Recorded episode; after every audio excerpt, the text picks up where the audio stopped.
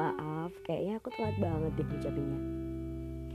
Aku tahu dari tahun-tahun sebelumnya kita nggak pernah kepikiran sedikit pun untuk rayain tahun baru bersama-sama. Tapi di tahun ini kita diberi kesempatan untuk aku bisa menyebat tanganmu sembari mengucapkan selamat tahun baru. Dari tahun-tahun sebelumnya momen tahun baru ya biasa aja. Kayak nothing special gitu. Resolusinya sama, doanya pun sama. Apalagi selain semoga di tahun yang baru kita menjadi jauh lebih baik. Dan yang mengejutkan adalah akhirnya kita menyadari bahwa kita diberikan banyak sekali kesempatan yang membuktikan bahwa kita sudah lebih baik dari sebelumnya. Tapi, tapi, dan tapi, kita nggak menolak sadar bahwa tahun lalu juga sedikit dan cukup bangsat banget. Banyak mimpi yang harusnya diwujudkan, akhirnya berakhir hanya sekedar mimpi. Tahun baru ya tahun baru, apa yang spesial?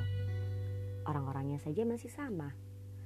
Bukankah tahun baru ya berarti akan semakin banyak hal baru, masalah baru, doa-doa baru, dan masih banyak lagi kejutan baru yang sebelumnya kita nggak pernah tahu seperti apa wujudnya. Biarpun tahun 2020 kita anggap sebagai tahun yang buruk, tapi di tahun ini kita nggak boleh nyerah. Kita sudah kuat, hanya tinggal bulatkan tekad saja. Hari pertama di tahun baru kita sudah menghadapi masalah besar yang sebelumnya nggak pernah ada di bayangan kita tapi ya gimana lagi?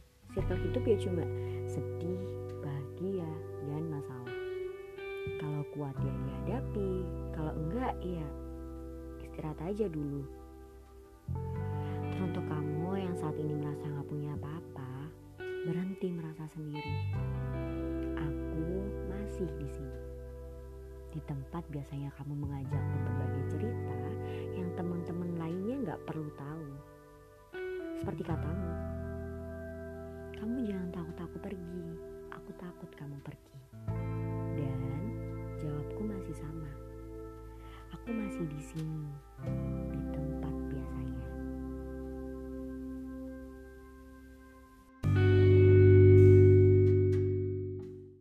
Hai, bukankah kamu tahu bahwa ia yang saat ini sedang nampak sangat kuat, sebenarnya pertahanan dalam dirinya telah runtuh seruntuh-runtuhnya.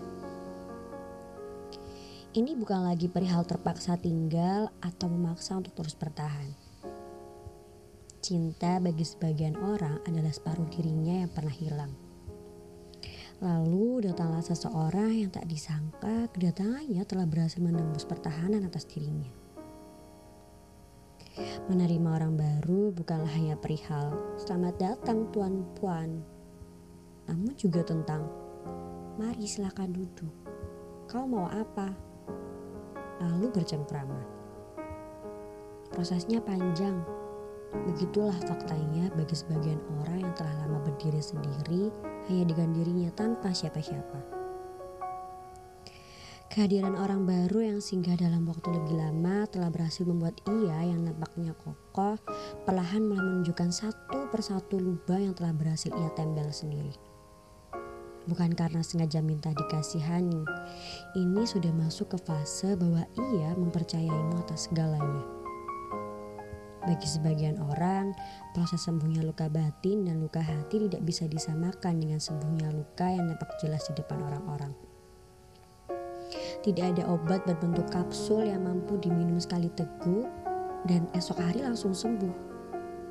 Tidak ada pula cairan infus yang mampu menyembuhkan luka di batin seseorang. Bukankah ini terdengar sangat menyedihkan?